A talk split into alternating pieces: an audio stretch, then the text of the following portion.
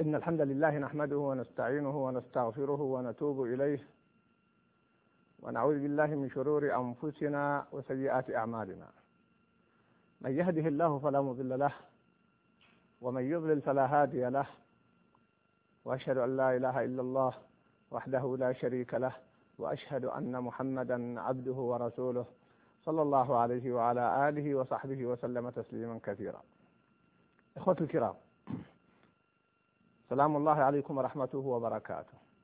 استمعنا إلى هذا الحديث العظيم حديث رافع بن خديج رضي الله تعالى عنه في كراء الأرض. كنا نحاقل على عهد رسول الله صلى الله عليه وسلم. الحديث. وفي هذا الحديث من الدروس والوقفات ما يلي. الوقفة الأولى انظروا إلى عبارة هذا الصحابي الجليل رضي الله تعالى عنه. قال فكنا نكريه نكريها بالثلث والربع والطعام المسمى فجاءنا ذات يوم رجل من عمومتي فقال نهانا رسول الله صلى الله عليه وسلم عن أمر كان لنا نافعا وطواعية الله ورسوله أنفع لنا. نهانا أن نحاقل بالأرض فنكريها على الثلث والربع والطعام المسمى وأمر رب الأرض أن يزرعها أو يزرعها. الحديث. لن أدخل في تفصيل هذا الحديث من الناحية الفقهية لأن محل ذلك هو في كتب الفقه. كانوا مثلا يؤاجرون على الأرض على أشياء قد يدخل فيها جهالة أو غرض فنهاهم النبي صلى الله عليه وسلم. وأمر وقدم نوعا آخر كيف تزرع الأرض وكيف تكر الأرض وكيف تؤاجر الأرض. ولأن باب البيوع والإجارة والمزارعة باب طويل وعريض ومفصل. لم أرد أن أقف عند هذه الجزئية وبخاصة أنها قد يحتاج إليها قلة من المستمعين ممن يعمل بالزراعة والإكراء ومن يحتاج إلى ذلك فالعلماء موجودون. وإنما أردت من اختيار هذا الحديث ما يلي. أولا انظروا إلى هذه العبارة الجميلة. عبارة عجيبة. كيف؟ يقول نهانا رسول الله صلى الله عليه وسلم عن أمر كان لنا نافعا. وطواعية الله ورسوله. أنفع لنا. هنا هذه الوقفة المهمة. أي كانت عندهم أساليب في البيع والشراء والمزارعة والإكراء يلمسون شيئا من نفعها. ولكن قد يغيب عن بالهم أمور تحط بهذا النفع تجعله ضارا. كنفع الربا. فالغرب الآن والذين يتعاملون بالربا يرون أنه نافع لهم ويلمسون شيئا من النفع. لكن هل هذا النفع لا يترتب عليه ضرر آخر على الآخرين بل عليهم أنفسهم؟ يسألونك عن الخمر والميسر. قل فيهما اسم كبير ومنافع للناس. فلم ينهى الله فلم ينفي الله جل وعلا أن يكون في الخمر والميسر نفع. لكنه نفع مؤقت أو نفع قاصر أما الضرر والخطر والإثم أكبر وأعظم ولذلك حرمت الخمر والميسر. وإثمهما أكبر من نفعهما ولذلك جاء التحريم. وهنا في باب المعاملات. لا بد أن نقف فيما ثبت في النص لأنه قد يبدو لنا في أثناء المعاملات أن في هذه المعاملة نفع وليس فيها ضرر. وهنا تأتي الكلمة الرائعة من هذا الصحابي الجليل رضي الله تعالى عنه. وطواعية الله ورسوله أنفع لنا. لا بد من التسليم فلا وربك لا يؤمنون حتى يحكموك فيما شجر, فيما شجر بينهم. ثم لا يجدوا في أنفسهم حرجا مما قضيت ويسلموا تسليما. هنا الذي امتاز به هؤلاء الصحابة التسليم المطلق. وما كان لمؤمن ولا مؤمنة إذا قضى الله ورسوله أمرا أن يكون لهم الخيرة من أمرهم.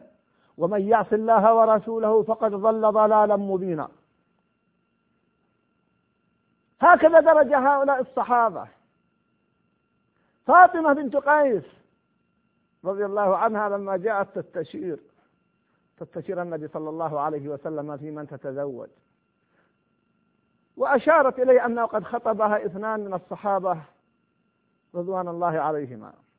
فبين لها النبي صلى الله عليه وسلم أن في كل واحد منهما أمرا لا يناسب معه أن تتزوج. ثم قال لها ولكن انكحي أسامة. فأول ما قال لها النبي صلى الله عليه وسلم هذا الأمر انكحي أسامة بسبب أعراف جاهلية وعادات وما أكثرها اليوم قالت أسامة أسامة هكذا. فقال النبي صلى الله عليه وسلم انكحي أسامة خير لك. تقول هي فنكحته فاغتبطت. لماذا؟ لأنها أطاعت رسول الله صلى الله عليه وسلم. قل إن كنتم تحبون الله فاتبعوني يحببكم الله. يا أيها الذين آمنوا أطيعوا الله وأطيعوا الرسول وأولي الأمر منكم. وأطيعوا الله ورسوله. آيات الطاعة عظيمة جدا. هؤلاء الصحابة يأخذون الأمر بالتسليم والإيمان فيرون النفع. ولذلك أم سلمة رضي الله عنها لما توفي أبو سلمة وقد ملأ قلبها وحياتها رضي الله عنه ومن هو في مكانته ومنزلته من منزلة عظيمة إلا كبار الصحابة كأبي بكر وعمر وغيرهما رضي الله تعالى عنهم لكنهم من كبار الصحابة. فجاء النبي صلى الله عليه وسلم وأمرها وأمر أهله بالدعاء لكنه أمرها هي رضي الله تعالى عنها في قول اللهم أجرني في مصيبتي واخلف لي خيرا منها. تقول هي في نفسها وهي حديثة عهد بوفاة أبي سلمة رضي الله عنه. من هو خير من أبي سلمة؟ ولكن القائل هو رسول الله صلى الله عليه وسلم.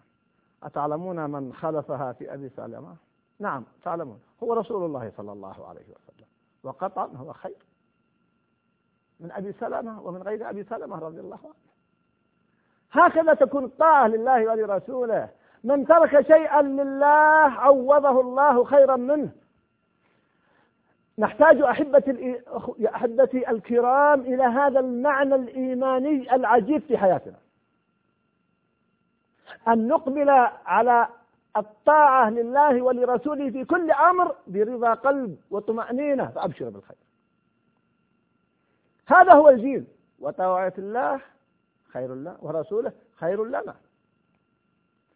ثم انظروا إلى أنه قرن هنا طاعة الرسول صلى الله عليه وسلم بطاعة الله جل وعلا وهو صحيح. طاعة الله طاعة لرسوله وطاعة الرسول طاعة لله.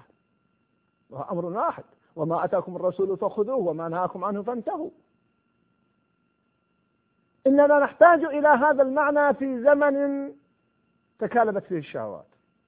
واندفع الناس وراء التحسين العقلي بعيدا عن النص الشرعي. فإذا جاء جاء إليهم وقيل إن هذا الأمر في كذا وكذا.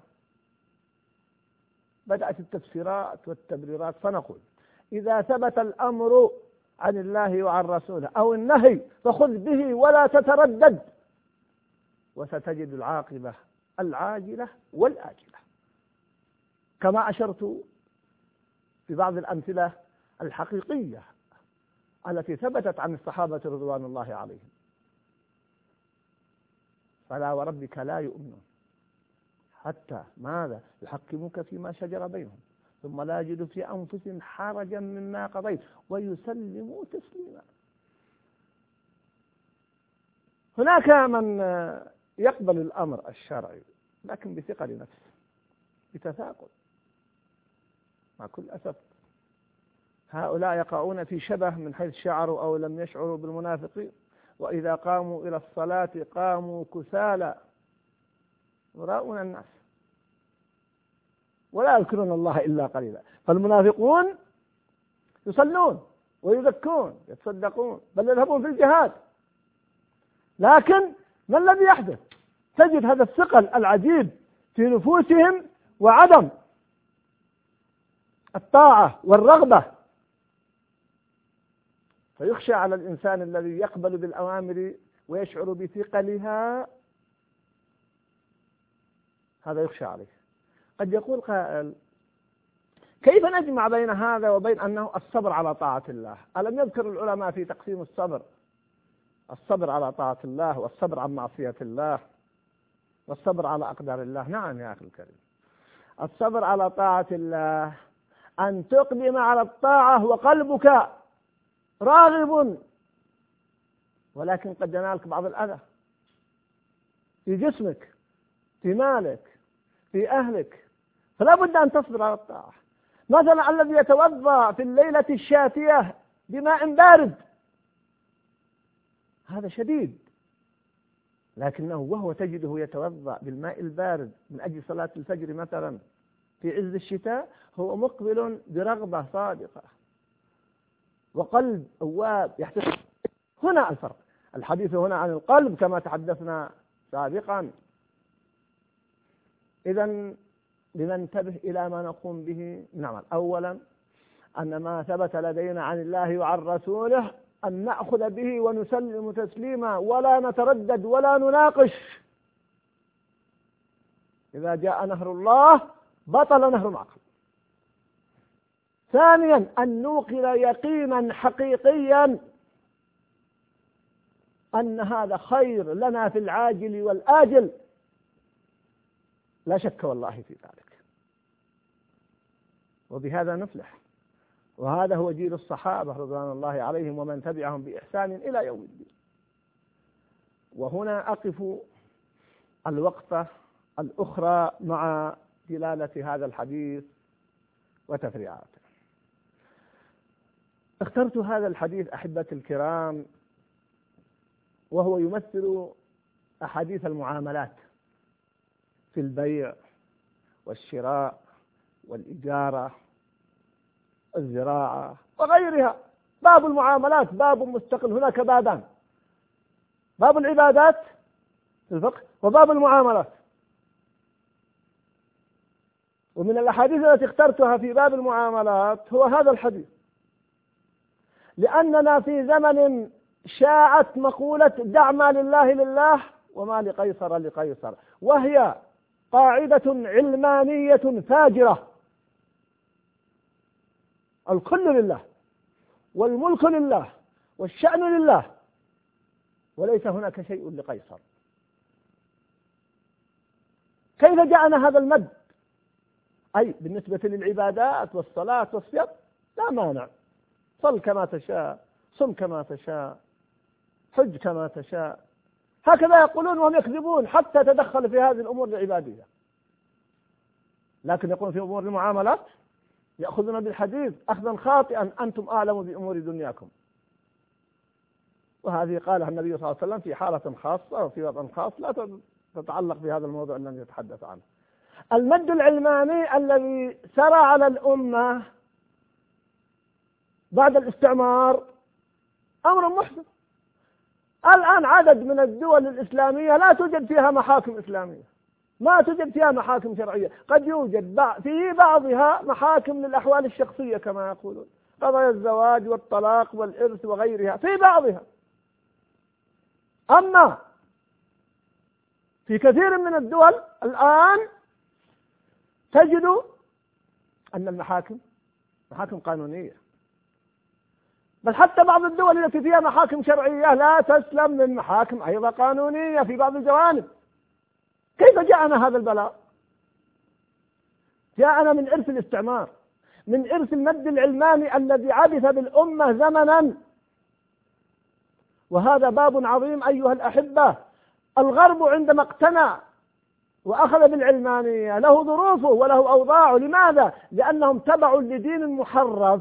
فجاء رجال الدين هناك والكنيسة وفرضوا على الناس بسم الله أشياء وهم الذين شرعوها. ليست من عند الله جل وعلا ولا من عند رسله. فحدث المد العلماني في الغرب فلهم ظروفهم ولهم شأنهم لأن أصل دينهم دين محرف لم يصلهم دين عيسى ولا دين موسى عليهم السلام. وحتى بعد رسالة محمد صلى الله عليه وسلم فهو خاتم الرسالات.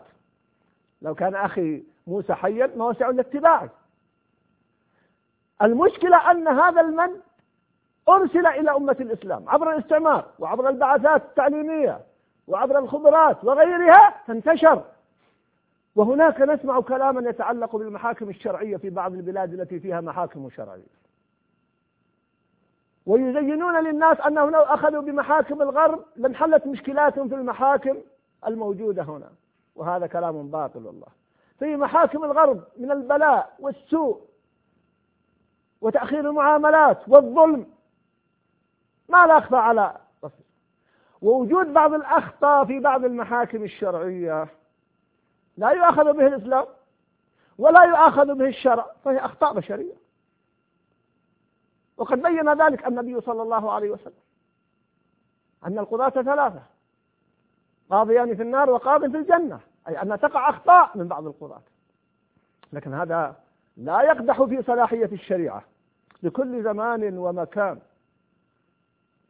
فهي صالحة لكل زمان ومكان. ولكن كما قال شيخنا العلامة الشيخ محمد العثيمين هي صالحة لكل زمان ومكان. ولكن ليست خاضعة لكل زمان ومكان. بل كما قال أحد المشايخ الشريعة صانعة لكل زمان ومكان. تصنع الحياة تزهر الحياة في الأمور الخاصة والعامة في العبادات في المعاملات في غيرها. ما لنا وما الغرب في قوانينه وأحكامه وشريعته. لماذا يصدر إلى بلاد المسلمين؟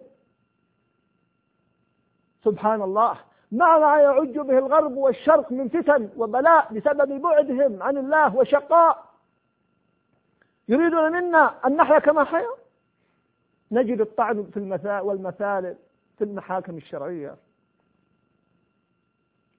فيما يتعلق بشرع الله أيها الأحبة هذا باب خطير عظيم. وأقول أحبة الكرام تلاحظون في بعض وسائل الإعلام الطعن والتشويه والتكبير لأخطاء القضاة أو العلماء من أجل الإساءة إلى الشريعة. ونشر ما لدى الغرب من قوانين وغيرها وهو زور وباطل وبهتان. فلا تلتفتوا إلى هذا الأمر. واعلموا أن هذا من الابتلاء. اليوم أكملت لكم دينكم وأتممت عليكم نعمتي ورضيت لكم الإسلام دينا. تأملوا في بعض ما يصدر من الغرب. لتروا. انظروا ما يحدث لإخواننا المأسورين في كل مكان. في جوانتنامو وفي غيرها. ما الذي حدث؟ أين قوانين الغرب العادلة؟ أين السماحة أين أين؟ أحبة الكرام إنه مد علماني يسري في الأمة. فحذار حذار ولهذا فأقول إن الشريعة جاءت شريعة كاملة متكاملة. اليوم أكملت لكم دينكم وأتممت عليكم نعمتي ورضيت لكم الإسلام دينا. كما في سورة المائدة. فلنرضى ولنسلم وحذار أن تسري إلى قلوبنا هذه الدعوات الفاجرة الباطلة التي يروج لها عملاء الغرب وأذناب الغرب والذين أشربت قلوبهم من الغرب. ولنقف سدا منيعا ضد أولئك حتى لا يفسدوا حياتنا ولن يصلح آخر هذه الأمة إلا بما صلح به أولها. والسلام عليكم ورحمة الله وبركاته. Oh.